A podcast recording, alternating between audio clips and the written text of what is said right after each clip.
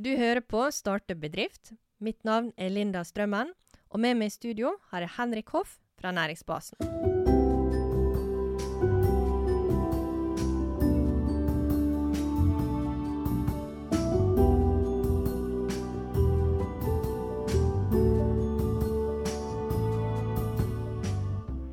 Etter 15 år som ansatt bestemte han seg for å starte for seg sjøl.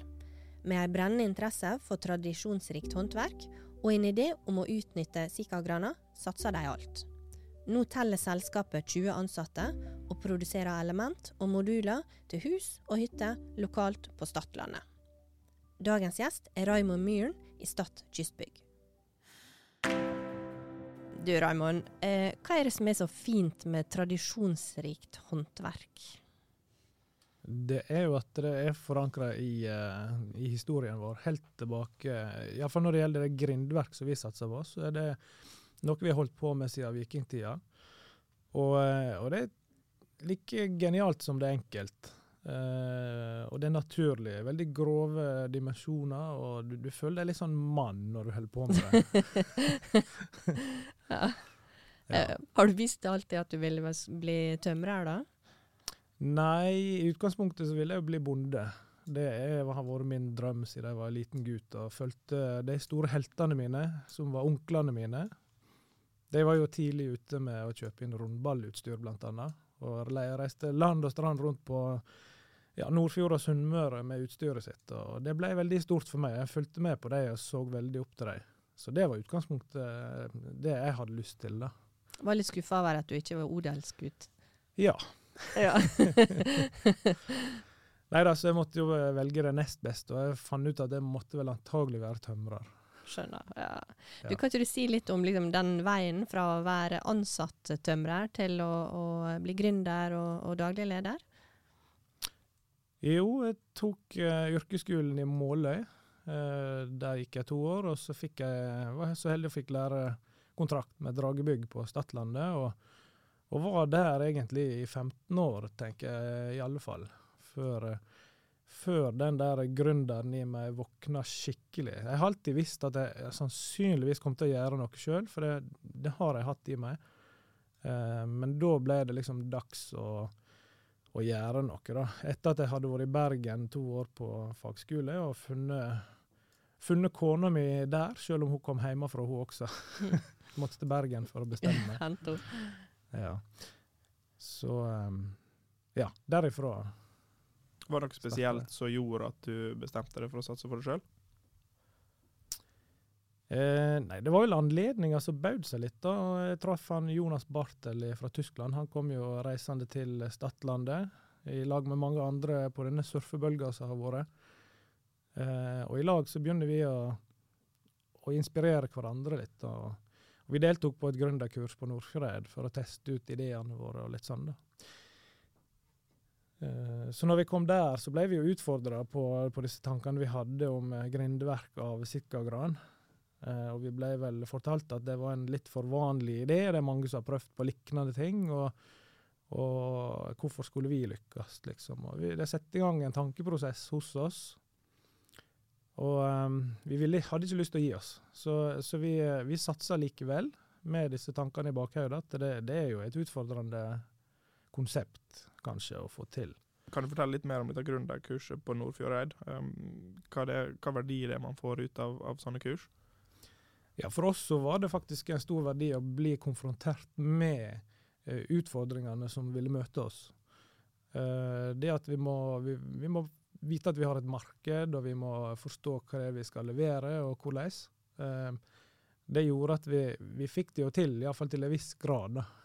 Eh, om ikke det ble den helt store suksessen som vi kanskje så for oss, så, så fikk vi levert en del grindbygg når vi kom i gang.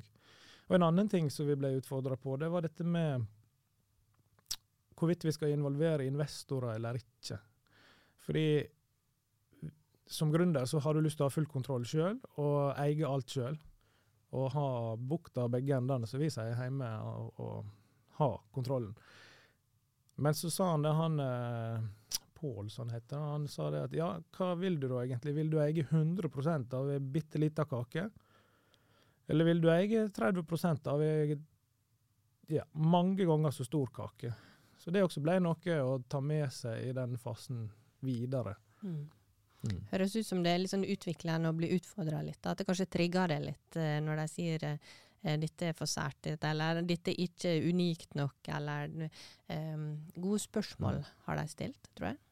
Ja, det gjorde det, og da er det sånn at enten så gir du litt opp, da, eller så går du videre og blir litt sånn fanden til voldsk og skal Dette skal vi iallfall få til, da. Mm. Ja. Er det en suksess for å lykkes? Kan være det. Mm. Vil du si at dere opererer i en nisje? Vi gjorde det i starten. Ja. Og, og der er et marked, og man kan nok bearbeide det enda mer. Og, og, um, og der er mange oppdrag man kan få tak i. Eh, vi beveger oss litt vekk ifra det, rett og slett pga. at ideen om sikkagrana viste seg å være vanskelig. Det ble jo planta ut mye sikkagran i våre områder for over 50 år siden. Og eh, det typiske var jo da at man planta den eh, grana på areal som man ikke brukte til andre ting. Og typiske grenseskiller og utilgjengelige plasser. Så den, den, står litt sånn dumt til, og så står ikke den i fine felt, sånn at materialen blir god. Altså at eh, skogen kvister seg sjøl. Sånn, så når den står i grenselinja, så står den og skyter greiner helt fra bunnen, og det blir voldsomt stor kvist i det. Så vår erfaring ble at uh, sikkagran er kjempebra material når den står i fine felt og kvister seg, og, og den blir tett og fin material. Veldig lett og sterk material. Men det meste vi fikk tak i, var jo av den andre sorten. Sånn at uh, Ja, du må iallfall ha uh, god tilgang på smilmidler for å få hente ut materialen, og uh, ja, for å få økonomi i det. Ja. Det med det tradisjonsrike, da, du sa jo litt innledningsvis, men um, kan ikke du utdype litt hvorfor det var viktig å, å gå i den retninga? det var vel mest at det appellerte til det håndverksmessige, det fysiske. At du tar og he, du holder i tømmeret og bearbeider det manuelt. det, det appellerte til oss veldig. da. Og det opplever jeg fremdeles, at våre tømrere kjenner seg ekstra hva skal jeg si da, nær til naturen. eller det, det, blir mer ekte og nært å jobbe med grovt tømmer. Eh, tømrerne i dag har jo gått over til å bli mer som ja, montører av ferdige maskinbearbeidede produkt. Og det, det, blir på en måte ikke det samme. Nei. Det ligger en stolthet i det. Ja. Etter hvert så så dere behov for, for større plass og en, en produksjonshall til dere. Uh, og I den forbindelse så har dere hatt en oppkapitalisering. Kan du fortelle litt om den prosessen dere hadde der? Ja, vi var vel gjennom to omganger der. Vi, vi fikk inn to av søskenbarna mine. Uh, og der uh, uh, gjorde vi først en liten oppgradering på å få til et, et produksjonsbygg nummer én. Det, det, var egentlig det andre grindebygget vi lagde. Så brukte vi det til å, å stå og produsere de neste grindebygga. Stå inni der.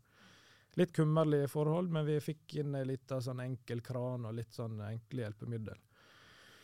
Og Så gikk det en liten stund til, så innså vi at dette er jo for krøbelt, så vi må ha en skikkelig hall. Og da var det han eh, Thomas Haaland, som er um, søskenbarnet mitt, han, eh, han, ble primus motor for å, å røyse denne hallen. Og eh, han kom inn med kapital, og flere andre. Nå er vi totalt ni aksjonærer. Eh, så da røyste vi nok kapital til å kunne lånefinansiere den hallen og røyse den på dugnad. Så det, mm, det, var jo et bra triks, på en måte, men eh, noen av oss eh, holdt vel på å gå på veggen i den perioden der, da. Det var veldig tøft å få den opp. Vi greide nok ikke å se for oss eh, hvor mange timer som egentlig trengtes for å få opp den hallen. Men det gikk bra. Det, det var eh, Eierne som kom inn, hadde mer enn kapital, de hadde andre styrker. Var det viktig for det? Ja, Mm, det var det. Absolutt. Eh, som sagt, han, eh, Thomas ble nøkkelperson i det å løse tekniske utfordringer. Det har også gjort seg gjeldende i produksjonen senere. Hvordan vi utvikler produksjonslinja vår, og hvordan vi håndterer utfordringer som dukker opp eh, underveis. Eh, rent teknisk. Så Ja, det, det var nå en, en av dem. Og ellers så er det noe, det at de hadde penger, var jo en god egenskap. det er ikke alle som har bidratt like masse. Men uh, akkurat i den uh, oppføringa av hallen, da var vi alle på banen, nesten alle på banen. da. Uh, det var en avgjørende og viktig fase. Hvordan har utvelgelsen av de nye eierne var? Hvordan dere kom fram til at det var de riktige personene for inn? Nei, det var egentlig litt ut ifra kameratmiljø. Uh, og det kan en jo si mye om, da. Det har vel kanskje erfart i ettertid at det er ikke sikkert at det er så lurt å involvere alle som er nærmest. For det, når det da røyner på og pengene kniper, og det, da kan det bli utfordrende for uh, de gode relasjonene.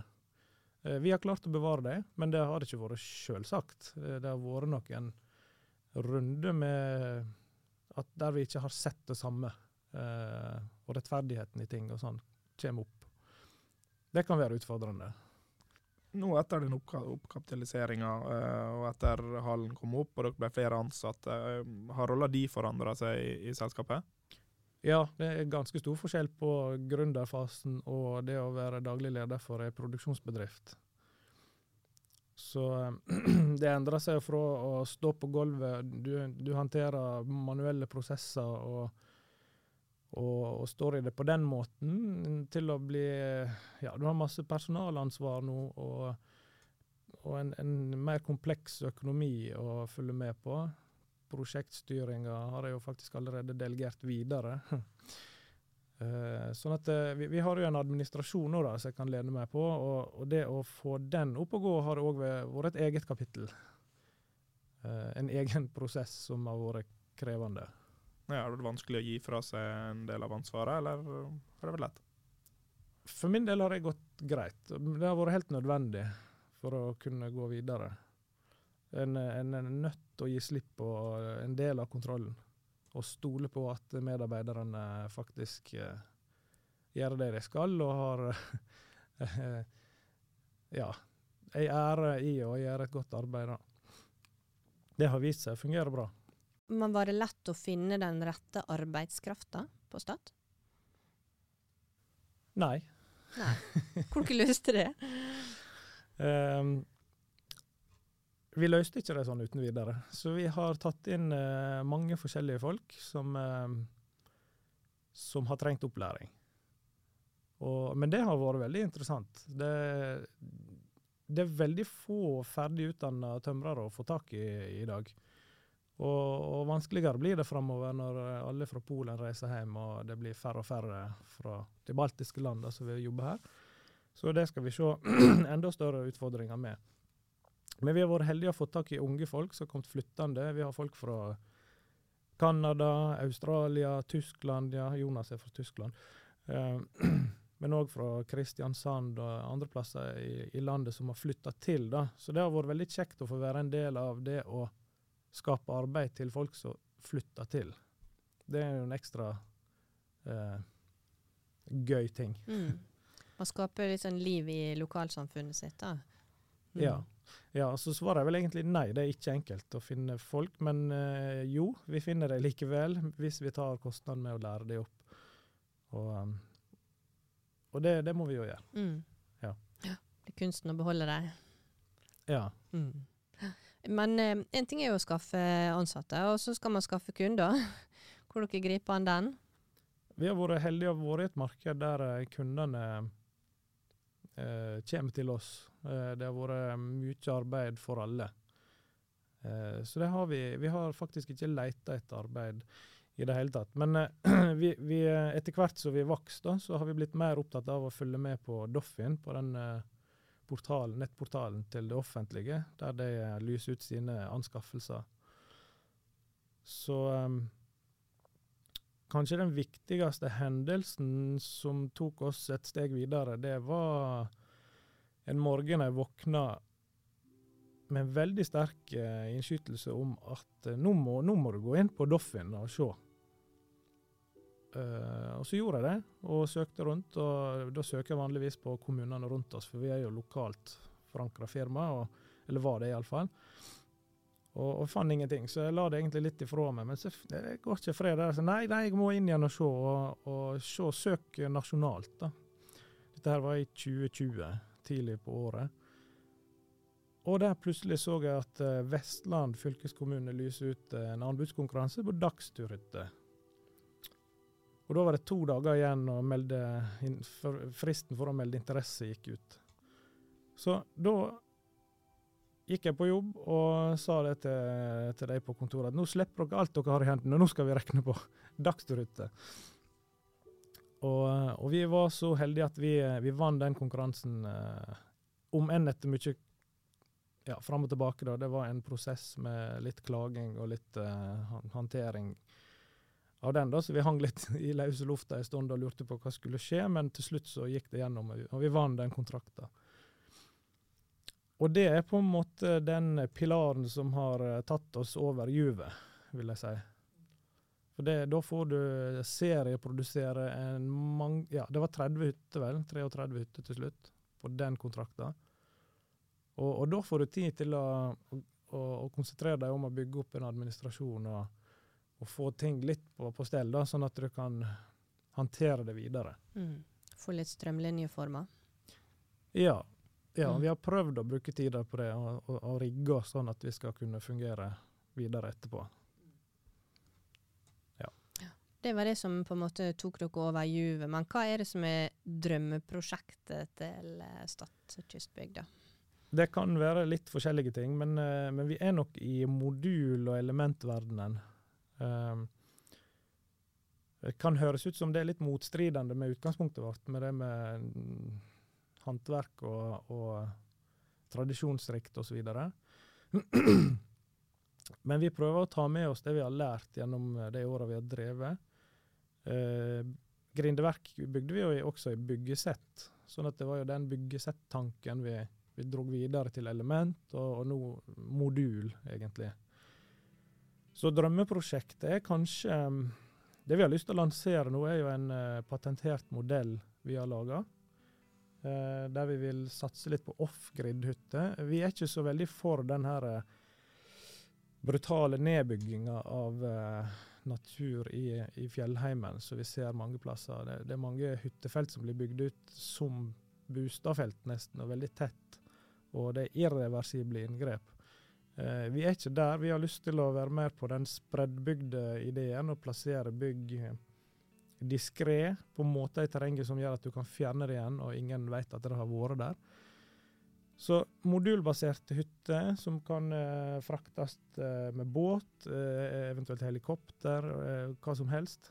Eh, det er det vi vil satse på. Da, utvikle og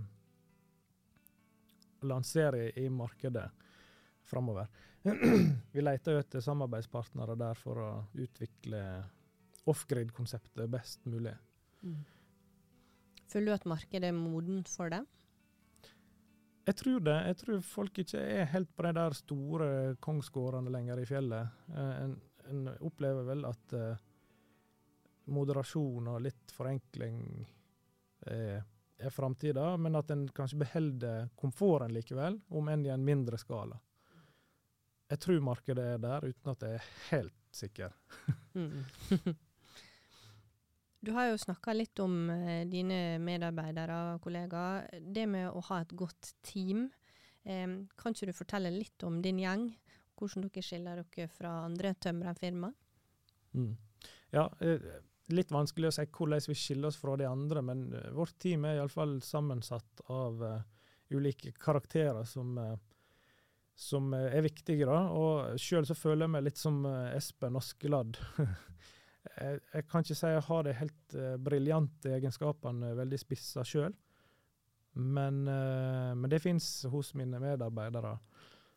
Og, og, da er det litt som å være på eventyr, da. Og du tar fram den ene kameraten etter den andre når det trengs. Og blant annet har vi en som uh, har vært lang tid i han har drevet for seg sjøl et annet firma tidligere, og han eh, Han er en ener i kalkulasjon. Så når han har regna og kalkulert et oppdrag, så vet jeg at den prisen står vi på, og den kommer til å holde i, i mål. Eh, det har gjort veldig mye for oss. Eh, han kom inn på et tidspunkt da, da vi streva med akkurat det, og, og vi hadde litt, eh, litt for mye tap. Så når han kom inn, så fikk vi økonomien på, på rett kjøl, og vi tapte ikke på prosjektet vårt lenger. Uh, Iallfall i veldig liten grad. Så det er én. Og så har vi uh, en uh, ung kvinnelig ingeniør som nå sitter på prosjektstyring, prosjektkoordinering, da, hovedprosjektleder. Og Det er ikke til å stikke under en stol at det ser ut som kvinnene har ekstra gave på det å koordinere. da. Det er kanskje en, eh, en grunn for at vi har flest kvinnelige flygeledere. Eh, så hun gjør en briljant jobb der, og hun utvikler òg eh, KS-systemet vårt. Veldig viktig. Så har vi én, f.eks., som litt sånn som meg, ikke så veldig utprega på noe som helst, men som, han er aldri sjuk. Han er alltid til stede og kan alltid ringes når krisa er der, når det brenner på dass, vil vi si. Eh, så det er en, en som, eh, som alltid er tilgjengelig. Det er også viktig å ha en sånn. Skal aldri undervurdere en god uh, allrounder. Det er kjekt å ha. Ja. Mm. ja han, han, styreleder har jeg jo nevnt. Han, han er jo for så vidt gått videre også og starta et selskap til, da, Fjord Helikopter. Og, og det er jo egen, egen historie der, da. så har vi òg en som sitter på salg og økonomi. Og eh, der har jeg òg gitt over mye ansvar. og og har jeg veldig høy tillit til, til, han. da. Han selger jo inn hva det skulle være, og gjør gode avtaler som, eh, som holder vann. Vi, vi, går ikke i, i noen feller lenger så lett. Eh, det er gjennomtenkt da, når han har gjort det avtale. Så det er veldig bra. Høres ut som du har vært flink til å bygge et godt team, da? Jeg vet ikke, det virker mer som at jeg er velsigna med at det kommer rett folk til rett tid. det, det, nest, jeg opplever det sånn, at det kommer Det, det detter inn. flaks? Det er, ja, noen vil kalle det flaks, kanskje. ja. Du sa jo litt eh, om din, dine tanker i forhold til det med hyttebygginga rundt i Norge. Men kan ikke du si litt mer om det? Eh, denne fortetninga som vi snakka om, motivet deres? Ja, jeg vet ikke. Det er jo veldig inn dette med bærekraft og naturvern osv. Så um, så, sånn sett så vil det jo passe inn, uh, tenker jeg. Jeg sjøl er vel mer opptatt av utviklingsarbeid i det. Det er det som trigger meg litt. da, Å få, få en sånn enhet til å kunne fungere alene, uten å være avhengig av offentlig infrastruktur og alle disse tinga. For det kompliserer ofte en byggeprosess. Når du må koble det på det og det og det, og alt må koordineres og tilpasses og søkes. Og, ja. Så, men, men, jeg føler det passer godt i tida, da, nå, når det er et sånt fokus på, på videre utbygging. Det å bygge og selge hytter i dagens samfunn, er ikke det litt krevende? Nå når vi, det, økonomien blir dårligere for folk flest og vi strammer til? Jo, det tror jeg absolutt. og Derfor så tror jeg vi må gjøre en, en liten pitch, eller en vri, på, på uh, produksjonen videre. Og vi har jo kommet med et nytt prosjekt, eller konsept, der vi um, med bakgrunn i den dagsruteproduksjonen vår, så har vi sett at det er en vanskelig logistikk på det, og det er en, en utfordrende måte å få det ut på tomten og sånn. Men ellers er konseptet veldig bra. Det står på stangstål, og det gjør lite inngrep i naturen. Det er veldig skånsomt, og eh, det er naturmateriale som er brukt på, eh, på, alt. Sånn at vi ønsker å ta det et steg videre og, og lage en modell som er effektiv i transport. Og, og det, den har vi patentsøkt og fått patent på. Uh, så vi har, vi har kalt den snaut, da, for vi syns det er veldig snaut. Det er en snau måte å bygge på. Uh, og i prinsippet så er det som ei babusjka-dukke, altså at den minste modulen står inn i den nest største osv. Så, videre. så det er en sånn massiv kloss som blir frakta ut på lastebil. Eller på sjø. Du kan ta det på, på kjøl, da, sånn som vi har gjort med dagsturrutene. Det har vi frakta ut med båt og fått det i land på ei kai på en, en, eller annen lokasjon. Og så har vi flåget ut med helikopter eh, derfra. Og, og, den metoden der er utrolig skånsom for naturen, eh, hvis en ser vekk ifra at det går litt eh, fuel til helikopteret, selvfølgelig, og sånn, så, så, er det veldig lite merke i naturen. Eh, vi setter hyttene på stangstål, altså påler, eh, som gjør at det er lett å fjerne den hytta hvis det skulle være nødvendig eller levetida er forbi. og, og sånn, Så kan den rydde helt opp i tomta, og ingen vet at den sto der før. Og, og det, det, er et veldig spennende konsept, tenker jeg, da, for da er vi litt eh, Vi møter litt alle disse her uh, utfordringene som uh, eller kravene som blir stilt da, til det grønne skiftet og til naturvern og til alle disse tingene som vi, vi vet er veldig oppe i, i dagen i dag. Eh, og ja, jeg tror vi må gjøre noe sånt da, for å få, få til å selge hytte i dag. At det, det tradisjonsrike blir vi reiser på hytta og hogger ved og koser oss med familien. og ikke nødvendigvis kjøre den store bilen vår bort til hytta og sette oss ned og se på TV. Ja, eller kanskje er det en ønskedrøm, men jeg, jeg tror, tror, litt på det. at det er sånn. Vi er litt tilbake der, og så er det nok litt vanskelig å skru komforten helt tilbake til eh, 50-tallet. da. Men eh, vi prøver å beholde komforten, og så kjører vi på med et off-grid-konsept eh, eh som vi har trua på at markedet vil ha. Det kan jo se moderne ut selv om det er tradisjonsrikt. Ja, dette konseptet vårt er nok det. da. Vi tenker naturmateriale som massivtre i dette konseptet. Eh, sånn sett så er det naturmateriale, men det er et moderne uttrykk på det. Har du noe du vil si til lytteren der ute som går med en gründer i magen? Er det verdt det? det spørs eh, Akkurat i dag så ville jeg sagt ja. men det er litt sånn eh, Det spørs hvilken dag du spør. Og um, det er klart at uh, å være gründer, det, det har ja, Du har veldig gode dager da ting går bra, og det yes, dette gikk jo jammen likevel. Og du har dager der du lurer på hva i all verden er det vi har satt i stand her, og hvordan skal vi komme oss ut av dette her? og det kan òg føre med seg um, søvnløse netter og Ja. Eh, dette med relasjonene til folk du står nær, og kan bli utfordrende. Det, du møter mange ting. Men jeg vil si, hvis du har et litt større perspektiv på det, at du er, føler at du er en samfunnsbygger, en som uh, skaper arbeidsplasser, at det er motivasjon. At du syter for en høyere skatteinngang til kommunen din. Kanskje du syns det er kjekt. Uh, eller at du rett og slett uh, føler at det, det, det, gjør noe med samfunnet du bor i. Da, da, da er det verdt det. Men, eh, men, hvis en eh, tenker at en skal bli rik i en fart, og liksom være gaine på det sjøl, da, så tror jeg en fort kan bli skuffa. Ja, I alle fall med dagens skattepolitikk. du sier jo det at det har vært perioder der du kanskje angrer litt på eh, det du har tatt på deg, denne reisa du har starta. Kan du mm. fortelle litt om situasjoner der du har kjent at søren, nå føles ikke dette rett ut?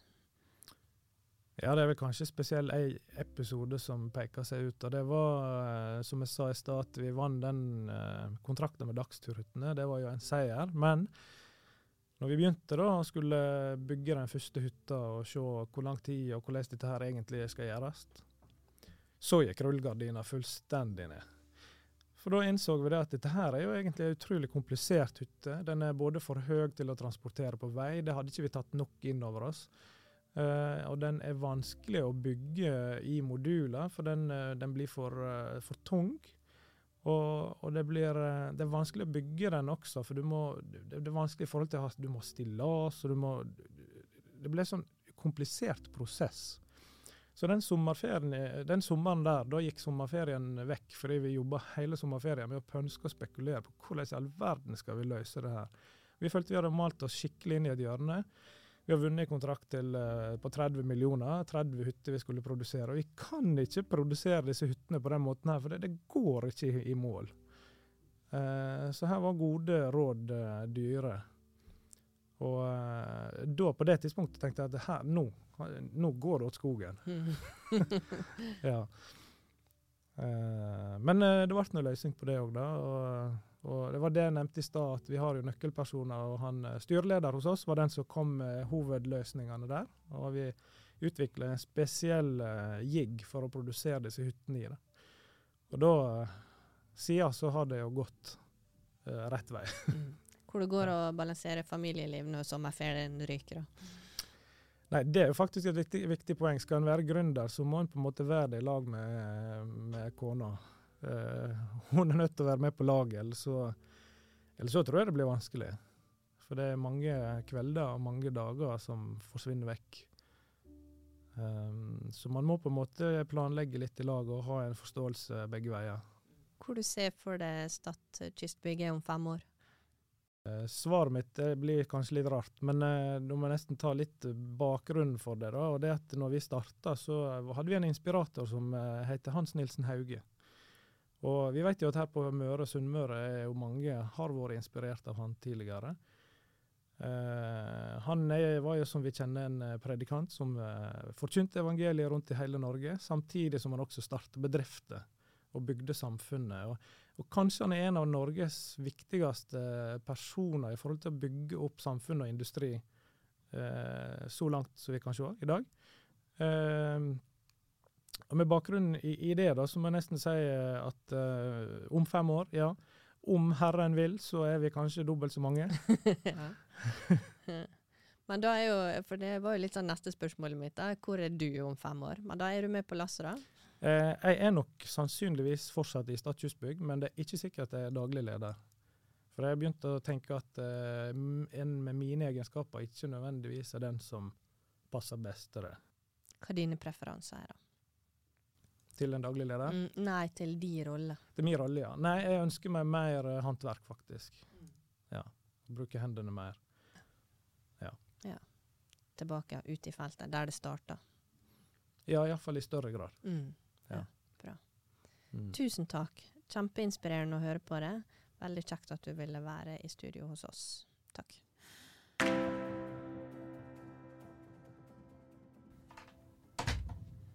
Ja, Henrik, der gikk han Raymond. Veldig spennende å høre på hans gründerreise. Mm. Hvis vi skal prøve å oppsummere litt hva vi sitter igjen med av inntrykk, eh, hva er det som, som utmerker seg?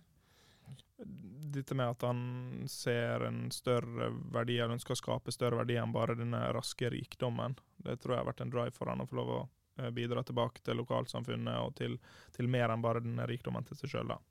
Absolutt. Det er for det jeg sitter hjemme. Han, han, har lyst til å skape noe for lokalsamfunnet, og han har dratt erfaringer av at eh, eh, han er gitt den muligheten, da. Ja, det ser du litt igjen uh, når de uh, utvider denne kapitalutvidelsen og sånn, at uh, han henter på en måte folk fra lokalmiljøet og gir, gir dem sjansen, samtidig som han også går ut internasjonalt, de som kommer inn til Statoil, lar de også få muligheten til å utvikle seg. Mm, mm. Og så er han en løsningsorientert type, tror jeg. Ja, uh, disse prosjektene der han føler seg malt seg opp i et hjørne, så, så ser de det, det, mulige, det umulige, da, uh, og får til gode løsninger uh, hver gang. Mm, absolutt. Så sånn kort oppsummert, da, tenker jeg i hvert fall altså en, han er opptatt av å skape verdier utover for seg sjøl, altså skape verdier for lokalsamfunnet.